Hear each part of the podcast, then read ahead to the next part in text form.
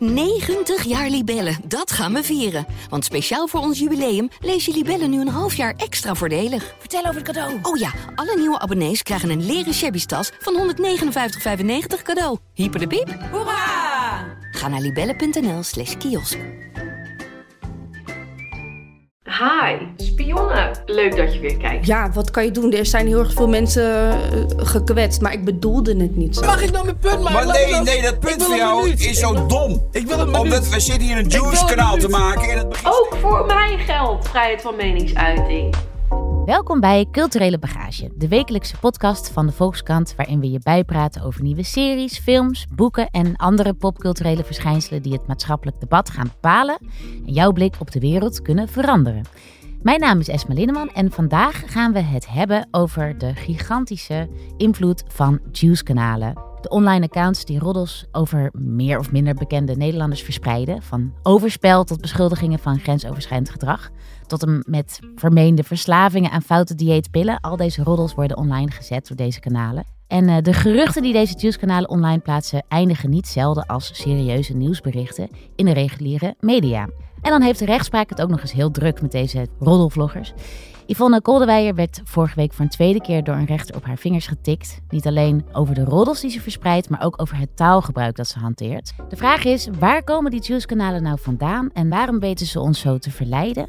En wat is nou de maatschappelijke invloed van deze kanalen? Daarover praat ik vandaag met mediaverslaggever en inmiddels ook columnist Emma Curvers. Hoi Emma. Hallo. En ook columnist Twan Heijmans is bij ons aangeschoven. Goedemorgen Twan. Goedemorgen. Eh, nou, ik begin even met jou, Emma, want jij zit gewoon vuistdiep in dit onderwerp. Eh, laten we wel wezen. Hmm. Eh, kun jij je nog herinneren wat jouw eerste kennismaking was met een Juice-kanaal? Ja, op Instagram, eh, waar ik meer tijd doorbreng dan me lief is, daar werden die berichten op een gegeven moment wel vaak gerepost door, door mensen. Van, oh, dit is toch wel interessant. En dat ging dan vaak over grensoverschrijdend gedrag. En dat is denk ik 2000, eh, begin 2021 dat het echt sterk ging opkomen. Het Ja. begon al in 2020, maar 2021 zag je echt dat heel veel mensen uit de media dit gingen volgen. En ging jij ook deze kanalen volgen? Omdat je dacht van, toch even weten wat er allemaal gaande is? Ja, ook wel vanuit het beroepsmatige interesse. Want je wordt op een gegeven moment wel een klein beetje gek van ook. Het zijn allemaal kanalen die 30 berichten achter elkaar posten. En als je ze dan allemaal volgt, dan word je helemaal horendol. En daarnaast, ja, het is ook wel gewoon vaak oninteressant. ja, eh, maar ik dacht al wel gauw van, oké, dit, is, dit is een boeiende ontwikkeling. En ik wil dit wel weten wat hier speelt. En jij noemde net even Instagram, maar speelt het zich alleen daar af? Of welke social media worden eigenlijk ingezet door deze ja, vloggers? Ja, het, het is een beetje verspreid over de platforms. Het begon dus echt begin des- 2021 op te komen, heel sterk op Instagram, maar ook wel op YouTube. Een aantal van hen eh, maakt hele lange video's met de juice van die week, bijvoorbeeld, eh, zoals Goddelpraat en ehm Yvonne Koldewijer Live of Yvonne eh, zit, zijn heel groot op YouTube, zit op Instagram. Een ander kanaal is begonnen als een Facebookgroep, Marwas Juice, is daarna ook op Instagram heel groot geworden. Dus het, daar zit het een beetje. Yvonne heeft ook nog een eh, zo'n eh, Telegram groep begonnen waar je dan de juice eh, eerder kunt krijgen of extra juice kunt krijgen als je meer geld betaalt bijvoorbeeld. Dus het zit een beetje verspreid. Ja. En het is dus de afgelopen twee jaar is het echt heel groot gegroeid. Yvonne is dan de grootste een beetje. Die zit nu op 727.000 mensen op Instagram. En dan heb je nog wat een aantal wat kleinere, maar ook niet onbelangrijke kanalen zoals Juice Channel. Eh Roddelpraat dus. Je hebt eh, Marwas Juice, Reality FBI. Eh, Die is nieuw voor mij, eh, Reality Far- ja, die is Oh, iets oh. kleiner. En Furry Not Sorry bijvoorbeeld. Oh ja, Eh, ja, ja. en die hebben allemaal zo tegengekomen. 100.000 of 200.000 volgers. Ja, en zij zijn stevig de concurrentie aangegaan met de oude roddelmedia, zou je kunnen zeggen, die daar ook eh, heel erg op hebben gehapt. Ja, En, en ze hebben dus ook behoorlijk wat onthullingen inmiddels gedaan, die eh, weer tot ander nieuws hebben geleid. Eh, bijvoorbeeld in het Voice-schandaal. ja, want dat was eigenlijk toen die Juice-kanalen in mijn leven kwamen, zeg maar. Eh, Mhm. Eigenlijk een beetje voorafgaand aan de uitzending van Boos. eh, nou, kreeg ik al vooral ook via vrienden en collega's berichten door van dan Yvonne Kolderweijer, die allerlei beschuldigingen aan het adres van Marco Borsato eh, deed. Zo, zo kwam ze bij mij binnen. In hoeverre hangt, denk jij, die populariteit en, en het groter worden van die juice-kanalen samen met verslaggeving over grensoverschrijdend gedrag of eigenlijk de, ook de MeToo-revolutie? Ja, dat heeft ze een hele grote impuls Ja. gegeven natuurlijk. Ja. Dat zij een beetje ehm, dat het daar als eerste boven kwam drijven, dat gaf mensen denk ik het gevoel van, hé, hey, zij zijn een soort dorpsplein waar dan het geroezemoes al begint rondom een bepaalde kwestie. En als ik de eerste wil zijn, hè, dan wint die nieuwsgierigheid het toch, dan moet ik daar ehm, zijn om het te horen.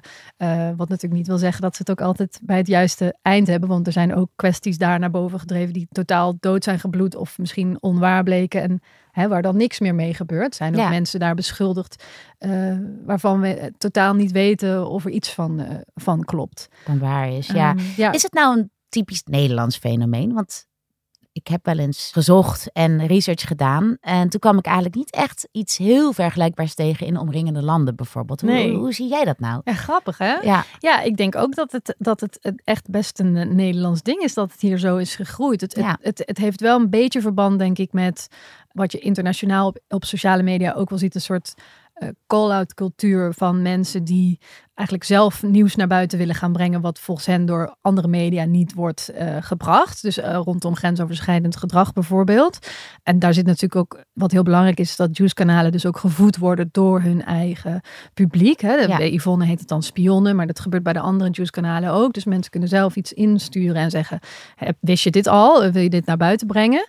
Dus het is heel erg nieuws, zo voelt het dan, van de mensen zelf. En dat zie je internationaal wel wat meer. Er zijn ook hè, rondom een aantal uh, grensoverschrijdend gedrag rondom instituties en zo heb je dat wel gehad op Instagram. Ja, en ik moet ook wel een beetje denken aan zo'n iemand als Paris Hilton in Mhm. Amerika, die ook van die hele ongefundeerde, uh, ik heb het horen, ik heb iets gehoord en ik plaats Mhm. het maar online. Lijkt het dan daarop? Of Ja, dat is natuurlijk, Paris Hilton is natuurlijk inmiddels uh, 15 jaar geleden. En Ja. TMZ, de hele vuige roddelcultuur in Amerika inderdaad. Um, ja, maar dat was toch ook anders, omdat het die werden zelf ook een instituut en ze hadden dan een blog of zo.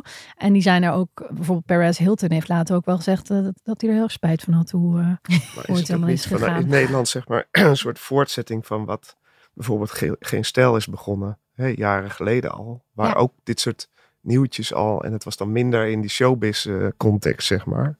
Maar het- ik zie wel een lijn eh, terug naar, naar die tijd. Hè. Dus het is ook niet zo gek dat die Jan Roos dat nu bijvoorbeeld ook doet. Mhm. vind ik dan. Omdat hij dat eigenlijk zelfs in Den Haag al eh, op, op zo'n eh, manier eh, nieuws tussen aanhalingstekens maakte. ja, Misschien. Ja.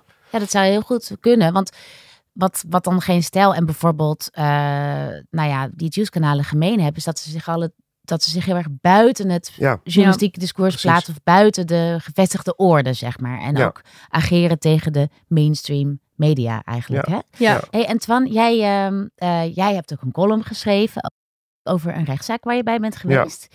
En je hebt allemaal, je kan je best druk maken over de juice-kanalen en hun Oh. invloed. Maar dat gaan we zo dat nog zo? horen. Oh. Maar eerst eventjes die rechtszaak. Want nou ja, daar is vorige week veel over geschreven en over eh, te doen geweest. Ja. Van Yvonne Kolderweijer. Of tenminste, uh, Rachel Hazes tegen Yvonne Kolderweijer. En jij was daarbij. Ja, en dat is gek, want eigenlijk als serieuze journalist eh, mijd je dit soort, dit soort zaken. Maar goed, ik kan dat als columnist dan wel doen. En het is, het is fantastisch om te zien, zo'n rechtszaak. Het is Ja. helemaal wat je wil. Eh, Vertel. Nou ja, je komt al aan en dan staan daar echt die mannen met de lange lenzen te wachten. Eh, de, de cameraploegen staan klaar en het regende. Dus die staan onder zo'n dakje te schuilen. En dan, nou, dan komt eerst Kolderweijer aanlopen. Iedereen eromheen. En, en zij is dan in dit verhaal een beetje de, de goede vee voor veel mensen. In een prachtige roze jas en eh, handkusjes naar, de, naar de fotografen. Dat, gaat- dat is echt prachtig Echt om te zien. Ja, het is Oh heel mijn mooi. God. En dan vervolgens komt eh, mevrouw Hazes aan onder, eh, in het donker gekleed. Hè? Dus dat, dat past ook heel erg mooi bij het, de vee tegen de heks. En eh, onder een, onder, weggedoken onder een paraplu. Hè? En dan zie je die, die fotografen, die duiken daar weer onder. en die gaan dan roepen, Rachel, heb jij eh, dat filmpje gewist? Of, nou ja, goed. Het is, dat is, zo begint het al. Ja. En vervolgens eh, ja, zie je eigenlijk hoe, hoe al die media... eh, nou, eigenlijk zie je hoe de machine werkt. Ik zag het echt als een soort hele mooie ronde machine. Waar iedereen eigenlijk belang bij heeft op, dat moment. Hè. Dus de, de, de procespartijen, om het zo maar te noemen. Dus Hazes en Kolderweijer. Die krijgen daar, genereren daar wel veel aandacht mee. Maar alle journalisten weten ook precies wat ze krijgen. En ook hele mooie foto's die je gewoon kan verkopen. Eh, en dan zie je dus ook eh, journalisten van, van gerenommeerde titels. AD, Nu.nl. die daar heel erg eh, hun best zitten te doen in die rechtszaal om, om dat uh, acuut te verslaan. Ja. Ook per seconde zo'n beetje. Ja, Dus want voor de luisteraars thuis, waar ging die zaak nou Oh ja, eigenlijk ja, over? dat moet ik even Ja. vertellen. Nou ja, Yvonne Kolderwij had een, een, een video online gezet. Waarin ze Hazes, eh, nou ja, ik moet het woord nu toch noemen. Kijk, we hebben het hier over, dat is eigenlijk al heel erg. Maar waarin ze haar onder meer een gecremeerde kroket noemt. En eigenlijk helemaal losgaat op Hazes en eh André Hazes junior. Nou ja, de hele, de hele kluwe van problemen die zich daar eh, afspeelt. En nou ja, de Hazes heeft gezegd, ik wil dat, je die, eh, dat die offline gaat en heeft een kort geding aangespannen. Toen vond ik het interessant worden, want toen heb ik de rechtbank gebeld en ik heb gezegd, ja waarom, hoe zit dat met een kort geding? Hè? Want wie bepaalt nou of dat doorgaat? Want een kort geding moet een spoedeisend karakter hebben hè, in Ja. de rechtbank. Is, is dit dan spoedeisend? Nou, daar kon ze eigenlijk niet goed een, geen goed antwoord op geven. Behalve dan dat het aan de rechter zelf was om dat te bepalen. Ja. Dus kennelijk heeft de rechtbank bepaald dat dit spoedeisend was. Terwijl ik zou denken, ja, de rechtbank heeft het heel moeilijk. Hè? Er zijn veel te weinig rechters in Nederland. Er worden allerlei zaken worden of niet afgedaan meer. Of in vijf minuten. Ja. Waarom ga je dan zo enorm eh, veel tijd en aandacht besteden aan zo'n eh, zaak? Dus ik vond dat interessant. Daarom ben ik eigenlijk gaan kijken. Want als ik jou goed Ja. begrijp, had dus ook een rechtbank of een rechter kunnen beslissen, dit gaan we niet doen. Zeker. En dan, dat ze dan eigenlijk moesten schikken, Nou ja, begin maar een civiele zaak. Ja, Alleen ja. die, duren, die duurt heel lang. Ja, Hè? En dan krijg je ook wel weer zittingen, maar dat is dan over een jaar of zo. Hè? En een kort geding is natuurlijk een prachtig moment ook. Hè? Om, ook als je aandacht wil, eh, om die aandacht te krijgen. Overigens voor de luisteraars thuis, je hebt een beetje een gecremeerde Ja, sorry, stem. En mijn dat komt stem is- omdat je eh eigenlijk heel al dat je dat bent. woord ging gebruiken. Bij mij was het, het vi- griepvirus toegeslagen. Ja. Het is geen corona, Ja, jongens. het is een helder dat je hier toch Nou ja, bent. ja. Ehm, ja, ik ben dus ook benieuwd wat jullie nou beide vinden. Want er is een vonnis uiteindelijk ook gekomen. Ik begreep net al van jou. Het is eigenlijk een beetje gek dat hier zoveel tijd en aandacht überhaupt eh, in is gestopt. Maar het, het vonnis was ook best opmerkelijk. Eh, want daarin heeft dus eh, mevrouw Hazes eigenlijk haar gelijk gekregen. Hmm. En is ook gezegd dat, nou ja, het, het C-woord of het C-woord gevolgd door het K-woord, gecremeerde koket niet meer gezegd mocht worden. Eh, Emma, hoe, jij hebt het vonnis ge- geclose read. Wat vond jij daarvan? Nou, eh, die, het- die gecremeerde koket is natuurlijk heel verleidelijk om over te schrijven, eh, zelfs voor ons. En eh, alleen in het vonnis is dat niet het belangrijkste. Het werd in de media daarna het belangrijkste. Ja. De rechter heeft dat inderdaad gezegd, van nou dat mag ze niet meer zeggen. Maar veel meer aandacht werd er eigenlijk besteed aan het feit dat Koldewijer heel veel uitspraken deed over het privéleven van mevrouw Hazes. En zij daar niet voldoende bronnen voor zou hebben. Ja. Ook niet kon aanwijzen wie haar bronnen dan zijn. Eh, en de rechter heeft gezegd, dat he- heeft hij dus afgewogen tegen de privacy van mevrouw Hazes. En dan zegt hij, er is geen te respecteren maatschappelijk belang bij eh, het doen van die, het maken van zo'n video en naar buiten brengen. Ik moet ook echt even bijzeggen dat eh, Koldewijer echt eh, al tijden in aan het hakken is op de familie Hazes. Dus dat zal hierin ook eh, meegenomen zijn. Ja. Dat zij echt eh, het een beetje voorzien heeft op die familie. Die ook, moet ik zeggen, wel heel juicy is over het algemeen. Ze doen heel erg hun best om het ja, juicy te houden. Maar goed, de rechter zegt dus eigenlijk, dat vond ik eigenlijk interessanter. Er is geen te respecteren maatschappelijk belang. hè? Ja. En dan, dat zou je dan natuurlijk door kunnen trekken naar het eh, complete oeuvre van eh Yvonne Koldewijer. En eigenlijk naar alle Juice-kanalen. Want eh, ja, het gaat meestal over dit soort onthullingen. ja. En in een enkel geval over iets wat misschien wel maatschappelijk belang heeft. Daar gaan we zo nog over verder praten. Maar eerst nog even die uitspraak. Want het is niet de eerste keer dat Juice-kanalen eh, of ja, vertegenwoordigers van Juice-kanalen voor de rechter moeten verschijnen. Dat gebeurde Mhm. met Roddelpraat ook. En Yvonne Kolderweijer heeft al eens eerder eh, eh, zich moeten verantwoorden tegenover een rechter. Wat denken jullie wat de invloed van dit soort vonnissen is op de werkwijze en de populariteit van Juice-kanalen? Is dit... Het ja, speelt ze in de kaart. Je denkt dat, het in de kaart Het is een prima uitspraak. Ja. daar valt niks over te zeggen. En, een- en misschien ook wel een belangrijke uitspraak, omdat het grenzen trekt. Ja. Dat is natuurlijk wat een rechter moet Hmm. doen.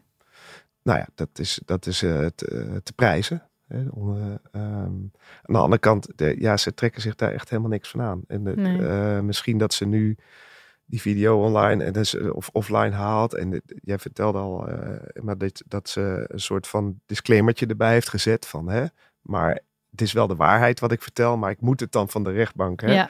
En daardoor gaat die machine weer draaien. En dat, Ja. is, het, dat is het ontzettend moeilijke van dit, van dit onderwerp. Schoorvoetend, uh, Uh, ja. ja, en sterker nog, want wij, hadden zeg maar ook eh, eh, eh, een stuk daarover in de krant. En dat is de kop Juice Queen Yvonne Goldweijer opnieuw door de rechter op de vingers getikt. Ja. Ik vind dat toch eh, het witwassen van, een, van die manier van werken. En dat, dat, en het is niet zo dat die rechtbank dat expres doet of dat wij dat als krant expres doen. Hè? Want daar Eh, maak jij je zorgen maak je over. wel, hè? Ja, Dat- daar maak ik echt zorgen over. Dat ook het woord eh, juice, hè, of juice queen, of wat dan ook. Het klinkt allemaal zo gezellig. Grappig, ja. Heb je dat gehoord? Of, maar die, die, en, hè? Dus wat an, het is gewoon smerig, vuige roddel. Ja. Hè? Maar eh, het maakt het allemaal zo, eh, zo prettig. Hmm. En dat is ook. En dat Ja. is, En wat bedoel jij precies als jij het woord witwassen eh, in de mond neemt? nou ja, kijk, wat- je ziet in deze zaak is dat ook serieuze eh, journalisten zich met het aan het onderwerp gaan, eh, gaan wagen. En dan, eh, zoals jullie het hebben gedaan, is dat heel goed. Hè? Er was een heel goed stuk over. eh, nou, wat is nou de, waar komt het nou vandaan en wat is eigenlijk de, de, de- wat kan de maatschappelijke invloed daarvan zijn? Dus En maar een hele goede, hebben interessante het vraag. Ja, jullie magazine hebben daar samen. eind vorig jaar een stuk Ja. geschreven hè, over de opkomst van de Juice-kanalen. En Ja. dan vooral dat Juice-kanalen zich zo bezighielden met overspel. Precies. Over dat stuk. En dat, ja, maar dat gaat niet over de inhoud. Nee. En Ja. eh, die inhoud is echt totaal oninteressant, Ja. vind ik. Maar je ziet dus dat, dat grote kranten als het AD of eh, nu.nl, grote eh, nieuwsplatform, dit wel heel serieus nemen. Sterker nog, het ANP, dus het Algemeen Nederlands Persbureau, wat, wat een onafhankelijke nieuwsmedium is, begon al op de dag van, de, van die rechtszaak waar ik naartoe was geweest. Om half vier 's ochtends hadden ze al een uitgebreid achtergrondstuk. En ze hebben elke dag krijg je mail van met drie of vier belangrijkste punten van het nieuws. En dit was nummer twee. Ja. En dat bedoel ik met witwassen. Dus ook voor serieuze eh, journalisten is het interessant om hiermee bezig te gaan. En dan zo'n uitspraak is bijna een legitimatie, zeg maar, om Ja. toch ruimte in te... Maar Ja. Twan, Ja. denk je niet dat, want een deel van dat, wat jij dan witwassen noemt, Ja. dat is toch gewoon een gevolg van het feit dat zij nu in die korte tijd al enkele Ja. keren eh, kwesties hebben aangekaart die wel van maatschappelijk Zeker. belang bleken, Ja. rondom grensoverschrijdend gedrag, rondom misbruik, die uiteindelijk hè, wel gewoon eh, serieuze eh, zaken hebben aangezwengeld. En, en daardoor zijn zij toch deel van, van het hele eh, ecosysteem geworden. Ja. Omdat mensen toch het gevoel hebben van als ik een beetje zo mijn oor te luisteren wil leggen op het dorpsplein, dan hou ik toch die juice-kanalen in de gaten. Want je weet maar nooit wat daar weer naar boven drijft. Nou ja, Yvonne Goldenweijer die heeft op haar eigen eh, kanaal ehm, uitleg gegeven over haar motivatie, waarom ze dit nou doet. En zij zegt dan het volgende. Er is een klopjacht geopend op de Juice-kanalen. Ik wil deze video even maken omdat ik je wil uitleggen waarom ik dit kanaal ben gestart. En dat is omdat in de mainstream media continu de hand boven elkaars hoofd wordt gehouden. En dat is natuurlijk ook de reden dat de laatste tijd door programma's zoals Boos, eh, Roddelpraat, Juice Channel en ik, dat er dingen aan het licht zijn gekomen die daarvoor het daglicht niet konden verdragen. En door bepaalde mensen heel sneaky in de doofpot zijn gestopt. Wauw, ja. Dus eh, Yvonne presenteert zichzelf eigenlijk als een luizende pels, zeg maar. Ja, dus iemand die, omdat ze juist erbuiten staat, ook beter verslag kan doen. Wat, wat vinden Ja. jullie van haar eh, eigen verdediging? Ja, ze stelt zich hier wel heel eh, op als een idealist. Die eh, elke dag ten strijde trekt om schandalen die andere mensen laten liggen tevoorschijn te trekken. Maar dan, dan stelt ze het misschien wel erg mooi voor. Ja, en ook hè, Boos is natuurlijk eh, een, een, gewoon een programma van BNN Vara. Dus eigenlijk onderdeel van de gevestigde media, wilde ik nog even gezegd hebben.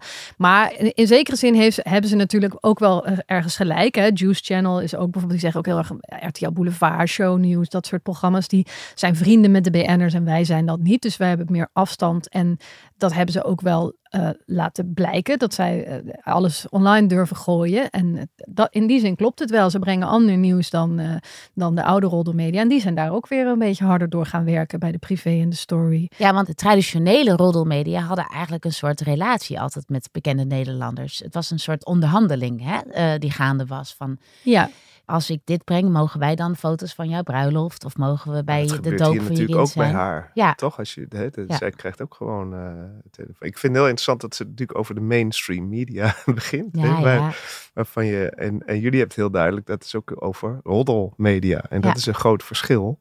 Hmm. Eh, zij bedoelt de roddelmedia. Zij bedoelt, denk ik, de, hè, de boulevards en, de, en de, dat soort. eh, waar je ook van alles over kan, van kan vinden. Eh, maar ik denk niet dat ze de Volkskrant bedoelt. Nee, Nee. En dat is natuurlijk het grote eh, probleem hiervan. Kijk, als wij eh, me- op de krant een verhaal maken over de wereld draait door, dan zijn daar eh, drie mensen maandenlang eh, mee bezig.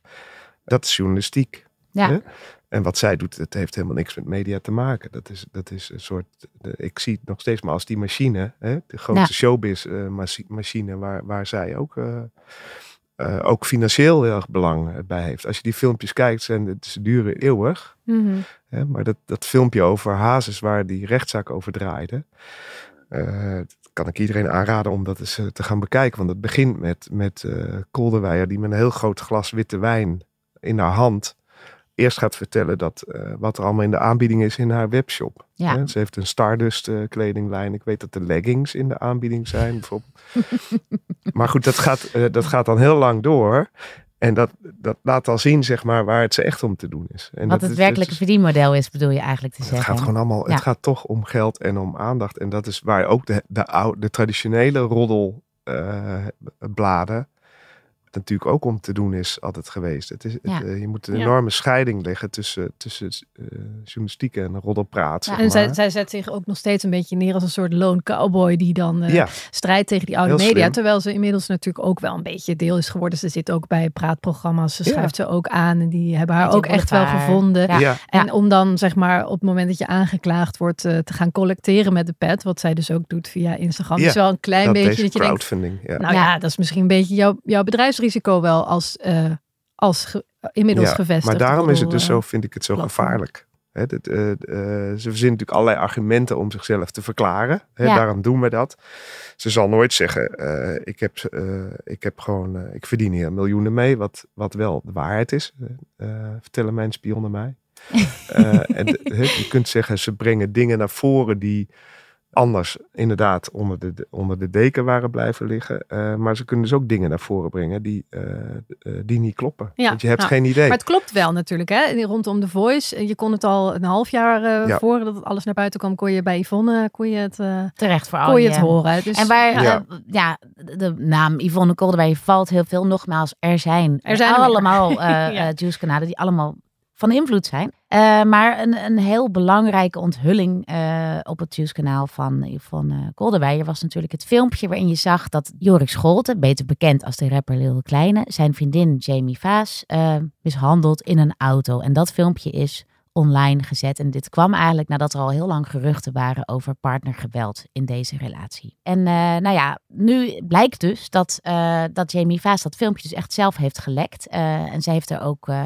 eh nou, Yvonne Kolderwij heeft daar een telefoonopname van. eh, en die eh, heeft ze dus nu ook openbaar gemaakt. Eh, ik heb een vraagje aan jou. Ik heb ehm, een filmpje. Ja? Ik zou heel graag willen dat jij dat eh, online gaat gooien.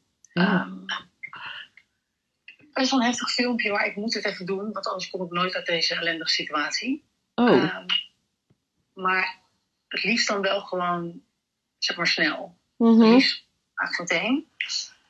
En dan hoop ik wel dat je nooit zegt dat het van mij komt. Nou, uit deze geluidsopname hoor je eigenlijk ook eh, hoe eh Kolderwij te werk gaat. En dat is in ieder geval, wat je er ook van kunt zeggen, niet journalistiek, toch, Tan? Nee, het is, het is, het is roddeljournalistiek. en het is ook volgens mij hoe, eh, eh, hoe ook de oude grootmeesters van de privé en de story eh, ook werken. Ja. Hè, die zijn gewoon natuurlijk, eh, zelf van de beroemdheden horen. Dit moet Ja. jij eventjes naar ja, buiten brengen. van kijk eens, Ja. ik ga daar lopen en dan stuur een fotograaf en dan eh, zo werkt het natuurlijk. Ja. en, eh, Ja. het, het, het, het- alles was is, het- filmpje Ja. voor mij ook wel een beetje een, een startschot eh, van het nou, echt wel serieus praten over partnergeweld in Ja. Nederland. Ja. Wat tot dan toe ook hier toch werd gezien als een ingewikkelde, delicate kwestie. Er zijn altijd twee partijen, je was er niet bij. Ja, hoe kijk jij Ja. daar dan naar, Emma? Want is Ja, dat dan niet dat toch heel dat maatschappelijke belang? Je Ja. merkt daaraan toch echt wel dat zij een, een heel andere mores hebben of andere waarden hebben dan de, de oude media, die toch meer over bruiloften, baby's en dat soort dingen eh, be- berichten. Deze beroemdheid ligt op het strand, die is dik, die is dun. Eh, en, en de juice-kanalen zijn, die zoomen veel strenger in op eh, misbruik en op grensoverschrijdend gedrag. Brengen dat dus in heel veel stadium naar buiten. Maar ze hebben andere waarden. Ja, de waarden misschien van een, toch een iets jongere generatie, zou je kunnen zeggen. En dat vind ik heel lastig, want inderdaad, die kwestie van Jamie Waas was misschien anders niet zo aan het rollen ge- gekomen. Maar het komt nu wel op een hele rommelige manier naar buiten. En dat is dus ook wat ik lastig vind bij onthullingen van grensoverschrijdend gedrag. Er worden dingen naar buiten gebracht, maar ik denk door de. Dat kan een, een zaak aan het rollen brengen. Hmm. Maar door de onzorgvuldigheid daarvan denk ik toch dat dat uiteindelijk een slechte zaak kan zijn voor zowel slachtoffers als daders. Want er kan gewoon iets naar buiten komen wat niet goed gecheckt is.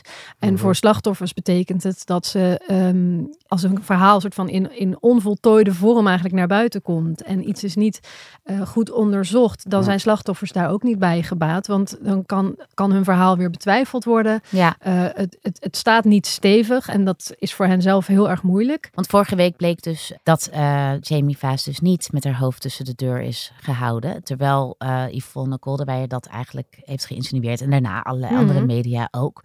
En toen zag ik bijvoorbeeld bij RTL Boulevard en dat soort programma's eigenlijk hele pijnlijke gesprekken van oh, het was maar een gewone mishandeling. Ja. Eh, weet Ja. je, het was niet Ja. een zware Oh. mishandeling. Ja. Ja, ja, Nou, wat moeten ja. we hier dan van vinden? En toen dacht ik wel, ja, dit is dan inderdaad wat je zegt, een effect wat je absoluut niet wil Ja. hebben.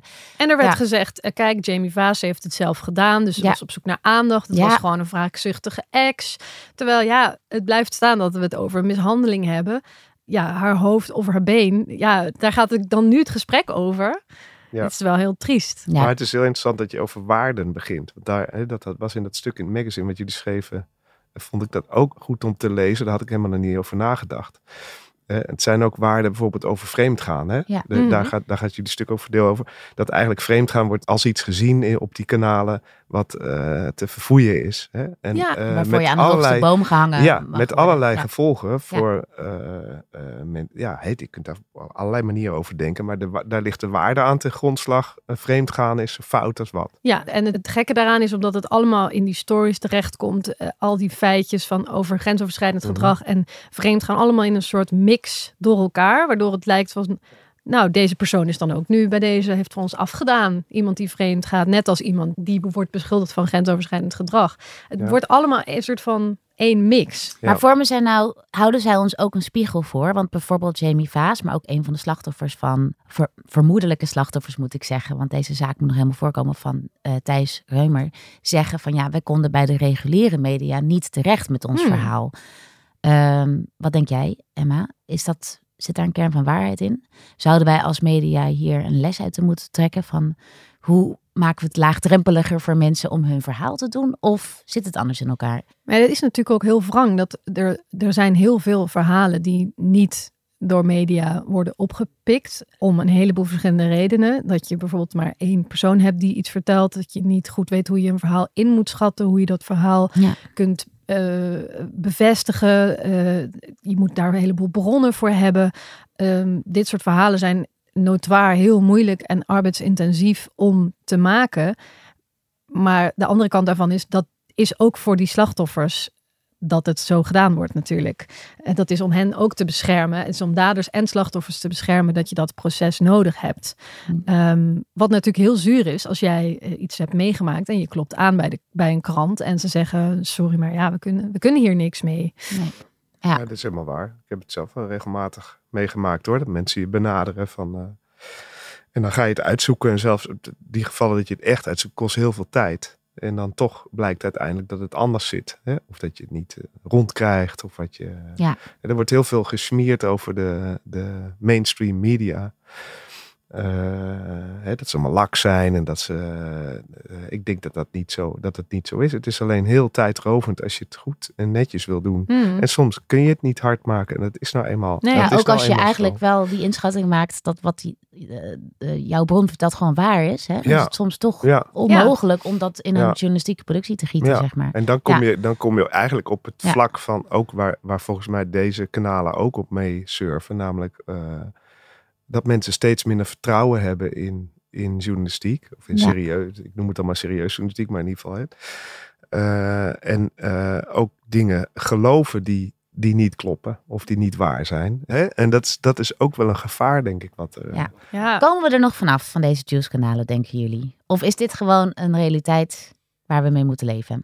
Ik denk dat dit de komende jaren nog echt wel blijft spelen. Deze mensen hebben hier eh, een, hun levensbesteding in gevonden. Ja, En een businessmodel. Ja, en een, businessmodel inderdaad. Eh, misschien dat wat kleinere kanalen het wel moeilijk kunnen krijgen met eh, rechtszaken. Maar eh, ik denk dat dit wel overeind blijft als bedrijfje. Ja, dit gaat door zolang er, zolang er wat te halen valt. Zolang mensen kijken. En, en zolang mensen leggings kopen uit de Stardust-serie, lijn van, Ja. van Yvonne Kolderweijer. En de sieradenlijn. Ja, En de Ja. spijkerbroekenlijn en de tasjeslijn. Ja, dus eh, Nou goed, we Ja. blijven het volgen. Niet de roddels, maar wel de ontwikkeling eh, van deze Juice-kanalen. Dank jullie wel voor Zeker weten. jullie Ja. komst naar de studio.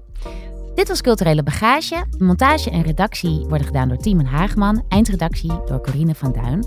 En wil je de Volkskrant nou steunen? Ga dan voor een abonnement naar www.volkskrant.nl slash podcastactie.